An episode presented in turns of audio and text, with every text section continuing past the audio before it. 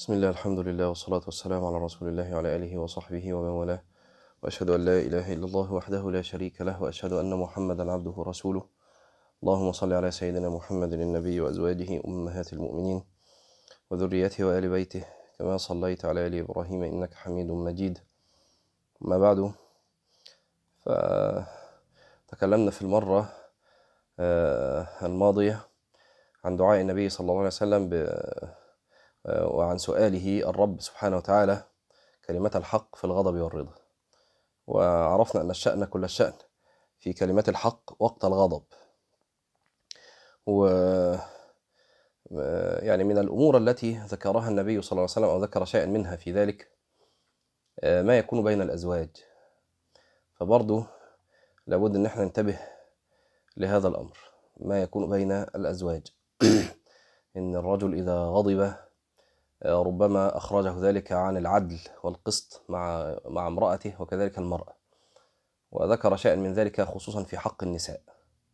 لما قال يا معشر النساء تصدقنا فإني رأيتكن أكثر أهل النار. فقالت امرأة ولما؟ فقال لأنكن تكثرن اللعن وتكفرن. فقالت نكفر بالله؟ قال بل تكفرن العشير. والكلمة اللي جاية هي هي الشاهد. ولو أحسن الرجل إليكن الدهر كله ثم رأيتن منه شيئا لقلتن ما رأينا معك خيرا قط. فهذا من الظلم والجور الذي يكون أو الذي يقع شيء منه بين الأزواج. فالإنسان لابد أنه ينتبه لهذا المعنى. والأمر خطير ولذلك يسأله النبي صلى الله عليه وسلم أسألك كلمات الحق في الغضب والرضا. خلاص؟ وقد نهى الله عز وجل عن أن يحملنا بغض قوم على ألا نقول إلا الحق. ولا يجرمنكم شنآن قوم إلى آخر الآية. فننتبه للمعنى ده برضو اللي هو ما يقع بيننا سواء بقى من الراجل أو من الست يعني. خلاص؟ قال وأما القصد في الفقر والغنى وهذا مما سأله النبي صلى الله عليه وسلم وأسألك القصد في الفقر والغنى. فهو عزيز أيضا. وهو حال الرسول صلى الله عليه وسلم. كان مقتصدا في حال فقره وغناه. والقصد هو التوسط في الإنفاق. فإن كان فقيرا لم لم يقتر خوفا من نفاد الرزق ولم يسرف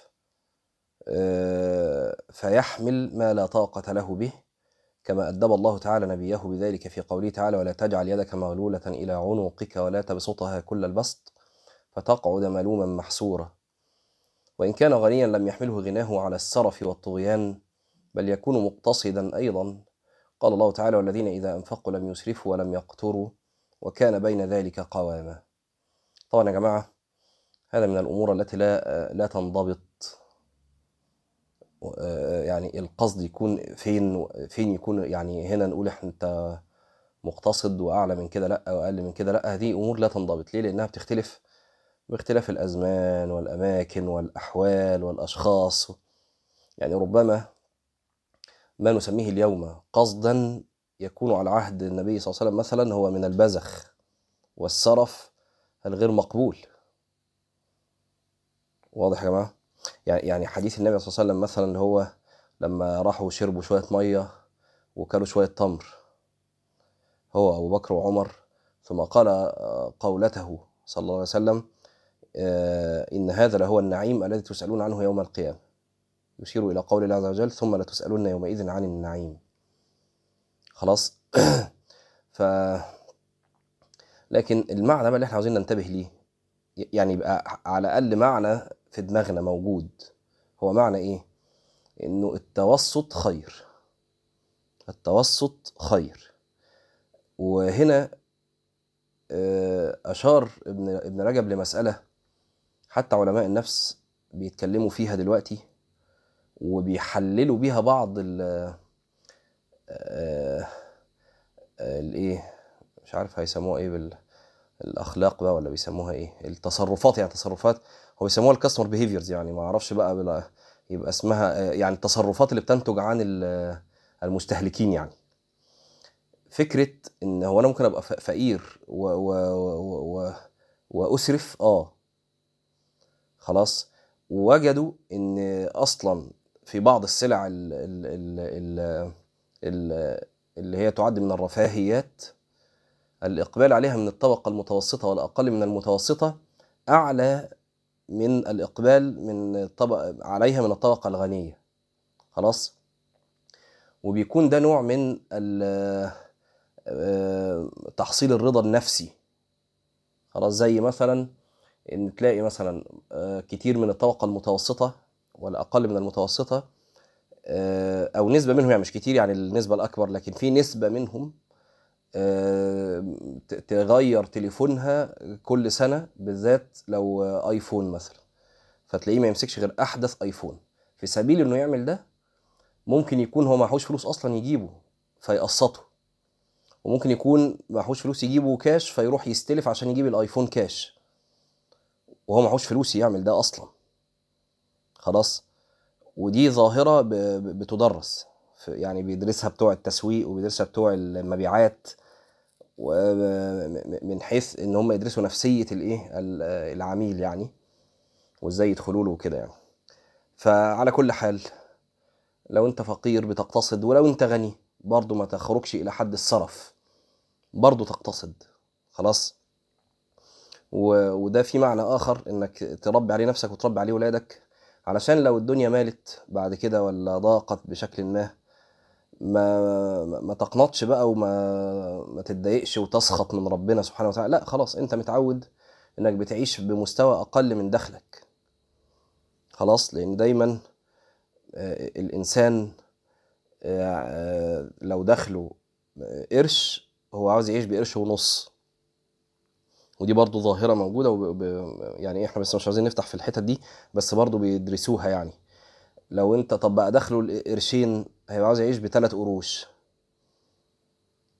وأنت هتلاقي نفسك كده يعني أنت لو أنت دخلك قرشين فأنت عاوز تجيب الشقة التقسيط اللي هي آه، علشان تجيبها فلازم يبقى دخلك قرشين ونص وتلاقي نفسك عمال تزنق على نفسك وتزنق على عيالك وتزنق على مش عارف إيه علشان تجيب الشقة دي. خلاص مع ان لما أنت كنت دخلك قرش ما كنتش بتفكر في الشقة اللي بقرشين ونص دي. كنت بتفكر في الشقة أم قرش وربع. هو لازم يبقى فيه إيه؟ حتة زيادة كده علشان تفضل طول عمرك بتجري ورا الدنيا. خلاص ده من حيث الشرع سيبك من حيث بقى علم النفس وكده. لكن من حيث الشرع تلاقي الشيطان عمال يزين على الشيطان مش يزين في دماغك أو في عينك أو في كذا السلعة اللي ب 10 قروش وأنت داخلك قرش. مش هيعمل كده. ليه؟ لأن دي بالنسبة لك ميؤوس منها فمش هتفكر فيها أصلا. يعني لو أنت داخلك لو أنت راجل متوسط الحال الشيطان مش هيجي يزين لك مثلا فيلا ب 50 60 مليون. مش هيعمل كده الشيطان لأن هي أول ما تيجي في دماغك ولا ولا هتشغلك لأن م- أصلا مفيش ت- ت- في يوم من الأيام تجيبها. واضح؟ إنما يوم يجي زي لك إيه؟ لو أنت دخلك رقم تقدر مثلا تحوش منه آه، مثلا 5000 جنيه يقوم يجي يزين لك الشقة اللي قسطها 6000 7000 ماشي؟ ليه؟ لأن دي بالنسبة لك قريبة. واضح؟ أو العربية اللي قسطها خمسة ونص ستة. لأنها قريبة تقدر تعملها. بس لما تيجي تعملها هتلاقي نفسك ممكن تستدين في وقت من الأوقات لأن مش كل شهر هتعرف تحوش المبلغ ده. وممكن هتفضل طول عمرك عايش بقى شايل الهم ودماغك في الإقساط اللي هتدفع ودماغك في تحصيل الفلوس ودماغك في فتروح عليك الإيه؟ الآخرة. ومنهم من من منهم من الناس اللي بتروح عليه آخرة ودنيا كمان. يبقى طول عمره عايش في ديون وهموم. لو عارف يتمتع بالشقة اللي جابها ولا بالعربية اللي بيدفع إقساطها ولا لكن على كل حال المقصود إيه هنا للشيطان؟ إنك آخرتك تروح. واضح يا جماعة؟ فدي حيل معروفه ومكتوبة منصوص منصوص عليها أصلا في كتب السلف. اللي أنا بقوله ده ده مش يعني ما هواش إيه ما هواش اختراعي. ده منصوص عليه في كتب السلف أصلا. خلاص؟ وهي حيلة شيطانية ذك أشار الله إليها. الشيطان يعدكم الفقر ويأمركم بالفحشاء. خلاص؟ قال وإن كان غنيا لم يحمله غناه على السرف والطغيان بل يكون مقتصدا أيضا. قال تعالى والذين إذا أنفقوا لم يسرفوا ولم يقتروا. وكان بين ذلك قواما. يبقى أنت تعمل ده في نفسك وتربي ولادك عليه برضه. وإن كان المؤمن في حال غناه يزيد على نفقته في حال فقره. كما قال بعض السلف إن المؤمن يأخذ عن الله أدبا حسنا. إذا وسع الله عليه وسع على نفسه. وإذا ضيق عليه ضيق على نفسه. ثم تلا قوله تعالى لينفق ذو سعة من سعته ومن قدر عليه رزقه فلينفق مما آتاه الله. يبقى ده أدب حسن ما يجيش إنفاقك حال غناك كإنفاقك حال فقرك. ده اللي عاوز يقوله ابن رجب. يقول لأ لما ربنا يوسع عليك شوية تقوم تزود في النفقة شوية. خلاص لكن في الآخر وعشان كده إحنا قلنا مالوش حد ينضبط يا جماعة ما يعني مش هقدر أجي أقول لكم إيه الاقتصاد هو إنك تاكل في اليوم ربع رغيف وإنك تاكل فراخ مرة في الأسبوع وإنك تاكل سمك ما فيش كده. ما فيش كده. تختلف بأحوال الناس وبالأماكن وبالزمان وبقدرتك النفسية وقدرة من تعول و... يعني حاجات كتير. لكن المعنى يكون في دماغنا. ده اللي إحنا عاوزين نقوله. معنى إيه؟ معنى إن مش أنا معايا النهارده مئة ألف جنيه هيتفرتكوا كلهم. أو النهاردة أنا معايا مئة ألف جنيه فهأقتر على نفسي وعلى عيالي ومش هصرف غير عشرة جنيه. معنى الاقتصاد يبقى في أذهاننا. خلاص؟ قال لكن يكون في حال غناه مقتصدا غير مسرف كما يفعله أكثر أهل الغنى الذين يخرجهم الغنى إلى الطغيان كما قال تعالى كلا إن الإنسان لا يضغى إمتى أن رآه استغنى. لما يشوف نفسه كده استغنى ويقوم يضغى يخرج إلى الطغيان مجاوزة الحد. كان علي رضي الله عنه يعاتب, يعاتب على اقتصاده في لباسه في خلافته فيقول هو أبعد عن الكبر وأجدر أن يقتدي بي المسلم. شوف عليه برضه منتبه لمعنى معنى إن هو قدوة. هو أبعد عن الكبر وأجدر أن يقتدي به المسلم هو منتبه لمعنى إن هو قدوة. محط الأنظار والناس منتبهة إن هم يشوفوا عليه بيعمل إيه عشان يقلدوه رضي الله عنه. ما هو في زمانه وهو الخليفة كان علي أفضل من على هذا الكوكب. يعني أفضل واحد في زمان علي هو علي. رضي الله عنه. مش كده ولا إيه؟ هو أفضل واحد في الكوكب ده اللي إحنا عايشين فيه وقتها. فمش أفضل يعني إن هو الخليفة لأ هو أفضل الناس على الله. حينها هو كان علي علي رضي الله عنه. فهو منتبه الناس بتبص لي فأنا هعمل إيه؟ أبقى قدوة ليهم. فده مهم برضو للداعية للعالم لطالب العلم. مهم. الأب قدام ولاده. يبقى منتبه لمعنى إن هو قدوة. فكل فعل بيفعله هو بيربي معنى في الأولاد. وعوتب عمر بن عبد العزيز في خلافته على تضييقه على نفسه. فقال إن أفضل القصد عند الجدة. وأفضل العفو عند المقدرة. يعني أفضل القصد إمتى؟ لما يكون عندك. إنك لو ما عندكش ما أنت كده كده هتقتصد غصب عنك. لكن أفضل القصد عند الجدة. وأفضل العفو عند المقدرة. برضه يا جماعة عاوز أقول حاجة هنا. يعني أنا عمال أقول القصد بيختلف باختلاف الأحوال والأزمان والأماكن والأشخاص والكذا والكذا. لكن تلاقي ربنا تعالى يحببه إلى بعض الناس أحوالا. ودي بقى بتبقى فتوحات من الله عز وجل. خلاص يعني لا لا يعني هذا أيضا مما لا يلحقه اللوم. الجدة يعني لما تبقى لما تبقى واجد يعني لما يكون معاك. لما يكون عندك فلوس لما ماشي؟ آه فمثلا لما يعاتب عمر بن عبد العزيز على تضييقه على نفسه. يعني كأنه نزل عن حد القصد بالنسبة لطبقته يعني لمن هو مثله. يعني الخليفة مش متعودين عليه إنه يلبس كذا ولا ياكل كذا لا أنت بتاكل أقل من في المستوى أقل وفي اللبس أقل من لبس الخليفة اللي إحنا معتادين عليه. خلاص؟ فدي بتبقى دي بقى بتبقى فتوحات من ربنا سبحانه وتعالى. وعمر العزيز نفسه ليه قصة يعني إن هو لما عارفين قصته لما وهو قبل ما يبقى خليفة وكان أمير وراح بعت الخادم بتاعه مرة يشتري له زي جلابية أو حاجة فجاب له جلابية غالية شوية يعني بدنانير يعني بذهب بذهب يعني.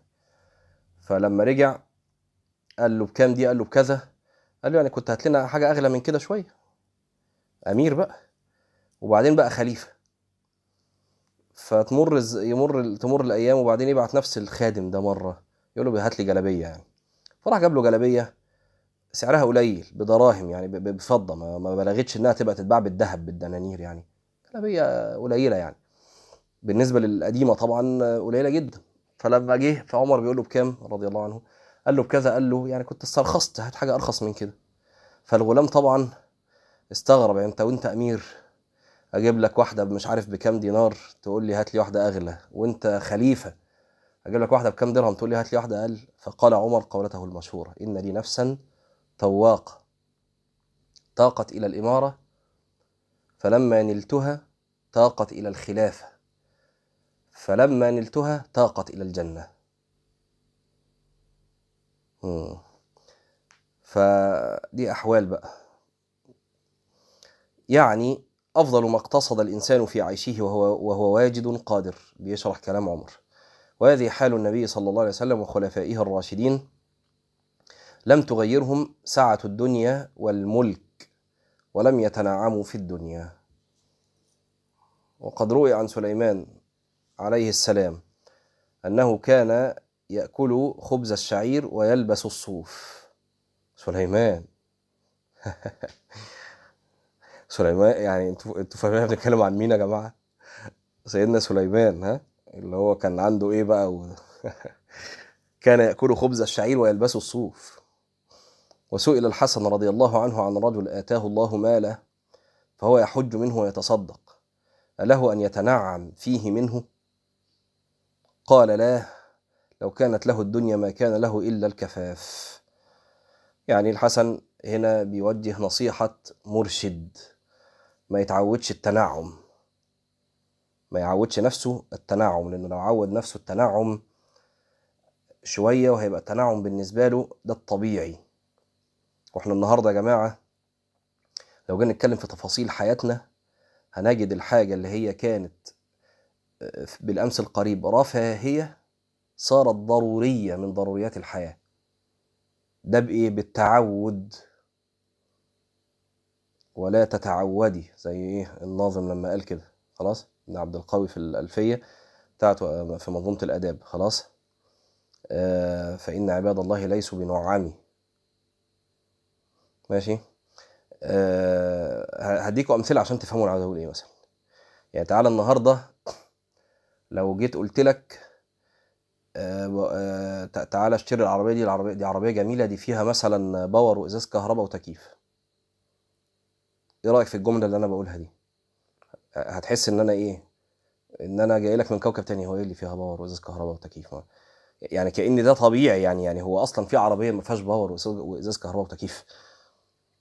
صح؟ بحيث إنك لو عربيتك النهارده ما فيهاش تكييف مثلا تبقى ما انتش راضي تبقى حاسس إن هي ناقصها شيء من الضروريات.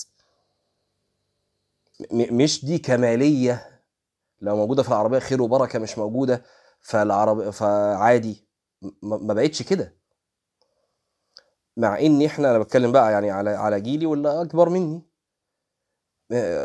يعني لو رجعنا بدماغنا لورا شوية كده بالذاكرة 20 سنة لورا. اللي كان منا عنده عربية من 20 سنة أو 25 سنة. يعني عادي جدا العربية ما فيهاش تكييف ده. العربية من غير ازاز كهرباء ده عادي يعني مش مش مش قضية يعني. فإزاي؟ وعلى هذا فقس بقى يعني. خلاص؟ النهارده السمارت فون لو قلت لك تليفون عادي يعني تليفون نوكيا وبزراير و...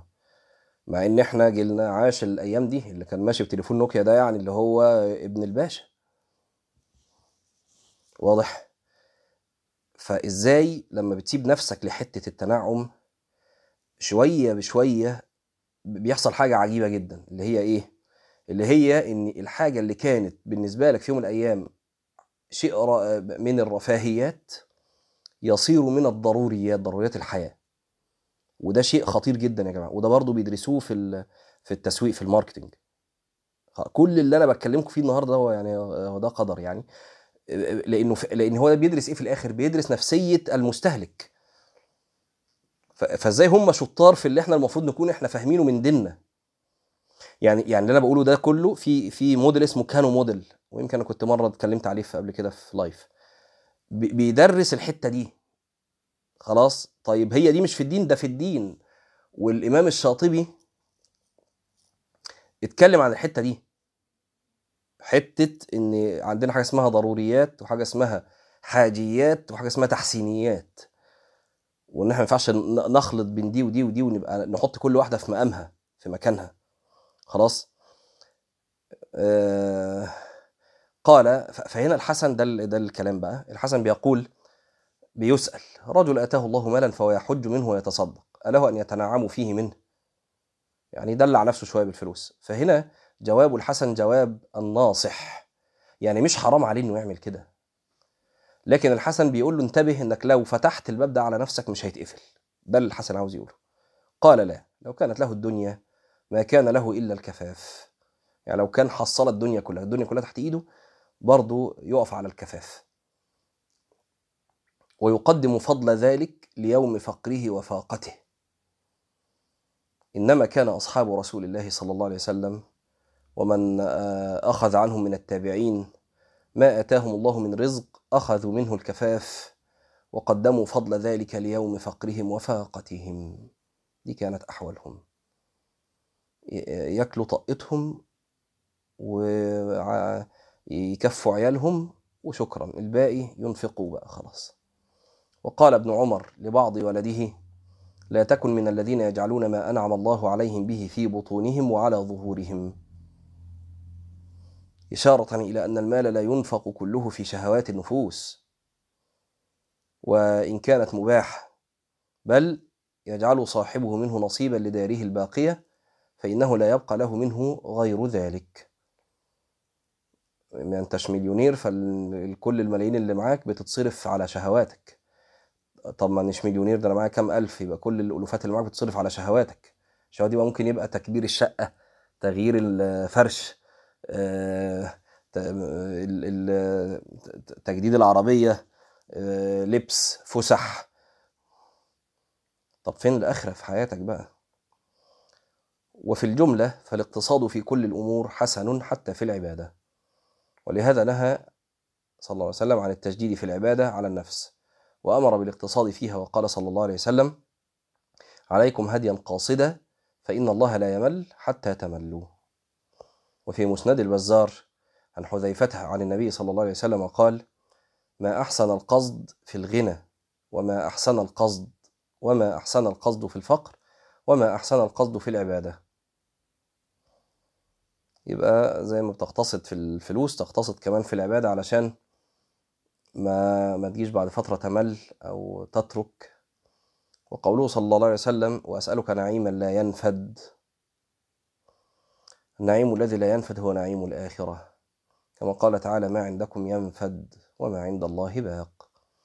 وقال تعالى إن هذا لرزقنا ما له من نفاد. وقال تعالى أكلها دائم وظلها. وفي الدعاء عن النبي صلى الله عليه وسلم أسألك الدرجات العلى والنعيم المقيم. وسمع النبي صلى الله عليه وسلم ابن مسعود ليلة وهو يقول أسألك إيمانا لا يرتد ونعيما لا ينفد ومرافقة نبيك محمد صلى الله عليه وسلم في أعلى جنة الخلد.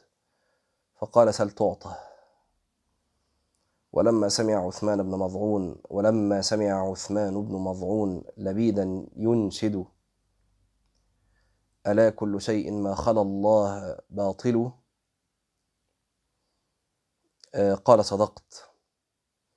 فقال لبيد وكل نعيم لا محالة زائل فقال كذبت. نعيم الجنة لا ينفد. فنعيم الجنة مقيم. كما قال تعالى يبشرهم ربهم برحمة منه ورضوان وجنات لهم فيها نعيم مقيم. وأما نعيم الدنيا فهو نافد. كما أن الدنيا كلها نافدة. فلو نعم الإنسان فيها ما نعم فإن ذلك ينفد. أفرأيت إن متعناهم سنين إيه اللي هيحصل؟ ثم جاءهم ما كانوا يوعدون. كده كده الآخرة جاية وكده كده هتموت. وهتسيب كل اللي أنت فيه. كل اللي أنت قلبك ميال له ده دلوقتي وعمال تفكر فيه وأنا بقول الكلمتين دول هتسيبه ولا هيروح معاك. فكل ده نافد. وكأنه حين ينزل به الموت وسكراته لم يذق نعيما من نعيم الدنيا قط. كما قال تعالى فرأيت إن متعناهم سنين ثم جاءهم ما كانوا يوعدون ما أغنى عنهم ما كانوا يمتعون. وقال بعض السلف إذا جاء الموت لم يغن عن الإنسان ما كان فيه من النعيم واللذة ثم تلا هذه الآية.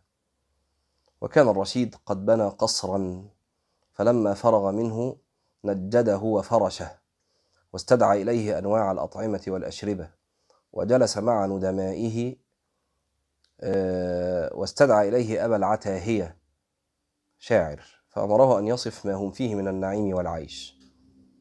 فقال أبو العتاهية عش ما بدا لك سالمة في ظل شاهقة القصور يسعى عليك بما اشتهيت لدى الرواح يسعى عليك بما اشتهيت لدى الرواح وفي البكور فإذا النفوس تقعقعت في ضيق حشرجة, حشرجة الصدور فهناك تعلم موقنا ما كنت إلا في غرور. فبكى يعني الرشيد واشتد بكاؤه.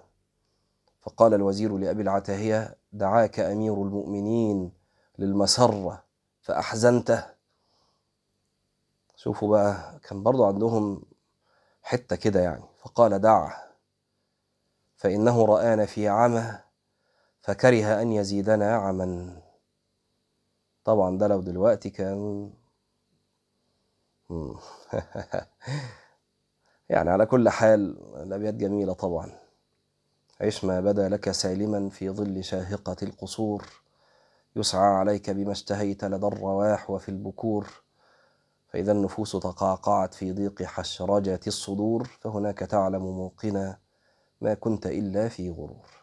قال مالك بن دينار رأيت بالبحرين قصرا مشيدا آه، طريا وعلى بابه مكتوب طلبت العيش آه، طلبت العيش آه، أس أسعد ناعميه مثلا مش عارف.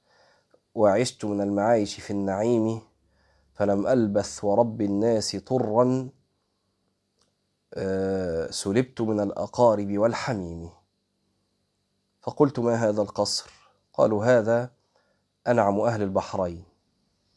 مات فأوصى أن يدفن في قصره وأن يكتب على بابه هذا الكلام. قال مالك فعجبت من معرفته فهل لا يستقبل الموت بتوبة؟ آه. بيقول استغربت يعني طب ما أنت عارف. طب أنت طب إحنا مش عارفين يا جماعة سيبكم من الراجل ده صاحب انت يبقى إنت وأنا. هو إحنا مش عارفين. يعني يعني أنتوا محتاجين النهارده ندخل عشان تسمعوا الكلمتين دول. إن إن الدنيا ماشية والآخرة باقية وال وال واللي هيتبقى لك هو اللي أنت هتشيله لآخرتك وال... واللي بتنفقه دلوقتي ده رايح عليك و... إحنا مش عارفين يعني الكلمتين دول. طب ليه ليه ما بنعملش؟ ليه ما أنا وأنتوا؟ الغفلة اللي إحنا فيها دي لابد من وقفه ويا جماعة مش كل يوم إحنا بنسمع كلام وأحوالنا بقيه اليوم زي ما هي. يعني دي دي أحوال ناس محرومة بقى. أنا وأنتوا برضو يعني سامع المتكلم مش بوجه الكلام لحد. لازم لازم يبقى في انتباه وفي عمل. والنهارده أنا سمعت كلام تأثرت به فلازم يرى الله عز وجل مني خيرا علشان يرى اقبالا لأنه من تقرب إليه شبرا تقربت منه آه، ذراعا وإلى آخر الحديث. فلازم يكون كل يوم في زيادة في العمل مش بس كلمتين بنسمعهم أول اليوم وتعودنا خلاص على جلسة الفجر نقعد النص ساعة ولا التلت ساعة بنسمع الكلمتين ونقوم وخلاص وبقيت يومنا زي ما هو. لا. النهارده بنقول ننتبه لمعنى القصد. يبقى ننتبه لمعنى القصد. وقلنا ننتبه لمعنى إن الرفاهيات بعد شوية بتتحول لضروريات وإحنا مش دريانين يبقى ننتبه لده. إن إحنا في أمور تحولت في حياتنا لضروريات وهي ما هياش ضرورة ولا بتاع. فلما تقل شوية ولا لما ما- الدنيا مش هتقف ولا هتتهد. خلاص بل بالعكس ده هيبقى نوع من الإيه؟ من نصيحة من نصيحة النبي ونصيحة عمر اخشوشنه خلاص يبقى نوع من الإيه؟ الاخشوشان المطلوب شرعا. وهكذا. يبقى يا جماعة؟ لازم نعمل. قال فعجبت من معرفته. فهل يستقبل الموت بتوبة؟ ثم بكى مالك. إذا غمس أنعم الناس كان في الدنيا في العذاب غمسة قيل له هل مر بك نعيم قط؟ فيقول لا يا رب. ففي الحقيقة النعيم الذي لا ينفد هو طاعة الله وذكره ومحبته والأنس به والشوق إلى لقائه فإن هذا نعيم لأهله في الدنيا. قال مالك بن دينار في بعض الكتب يقول الله أيها الصديقون تنعموا بذكري فإنه لكم في الدنيا نعيم وفي الآخرة جزاء. وقال ما تنعم المتنعمون بمثل ذكر الله عز وجل. وقال إبراهيم بن أدهم لو يعلم الملوك وأبناء الملوك ما نحن فيه لجالدون عليه بالسيوف وقال أبو سليمان أهل الليل في ليلهم ألذ من أهل اللهو في لهوهم أهل الليل يعني قيام الليل. ولولا الليل ما أحببت البقاء في الدنيا وإنه لا يمر على القلب أوقات يضحك فيه ضحكا أنا حافظها يضحك فيه طربا هكذا. وكان بعض العارفين يقول إنه لا يمر بي أوقات أقول إن كان أهل الجنة في مثل ما أنا فيه إنهم لفي عيش طيب. يعني لو لو أهل الجنة بس مش في حاجة غير في في الأحاسيس اللي أنا حاسسها دلوقتي دي من القرب من الله والأنس به وكذا كفاية إنهم لفي عيش طيب. أهل المحبة قوم شأنهم عجب يقودهم حزن يهزهم طرب. العيش عيشهم والملك ملكهم. ما الناس إلا هم ابانوا أم اقتربوا فهذا نعيم في الدنيا. فإذا انتقلوا إلى البرزخ فهم في نعيم أزيد من ذلك. كما قال بعض السلف أنعم الناس أجساد في التراب أمنت العذاب وانتظرت الثواب. وقال عمر بن عبد العزيز ما أعلم أحدا أنعم ممن صار إلى هذه القبور وأمن من عذاب الله عز وجل. وإذا بعثوا إلى الجزاء حينئذ فلهم النعيم الأعظم في جنات النعيم. وينادي مناد إن لكم أن تحيوا فلا تموتوا أبدا. وإن لكم أن آه، تصحوا فلا تسقموا أبدا. وإن لكم أن تشبوا تشبوا تشبوا مثلا مش عارف الضبط صح فلا تهرموا أبدا وإن لكم أن تنعموا فلا تبأسوا أبدا. ماشي. نقف هنا بيقولوا ولو أنهم فعلوا ما يوعظون به لكان خيرا لهم وأشد تثبيتا. نعم أحسنت. سبحانك اللهم وبحمدك نشهد أن لا إله إلا أنت نستغفرك ونتوب إليك. والسلام عليكم ورحمة الله وبركاته.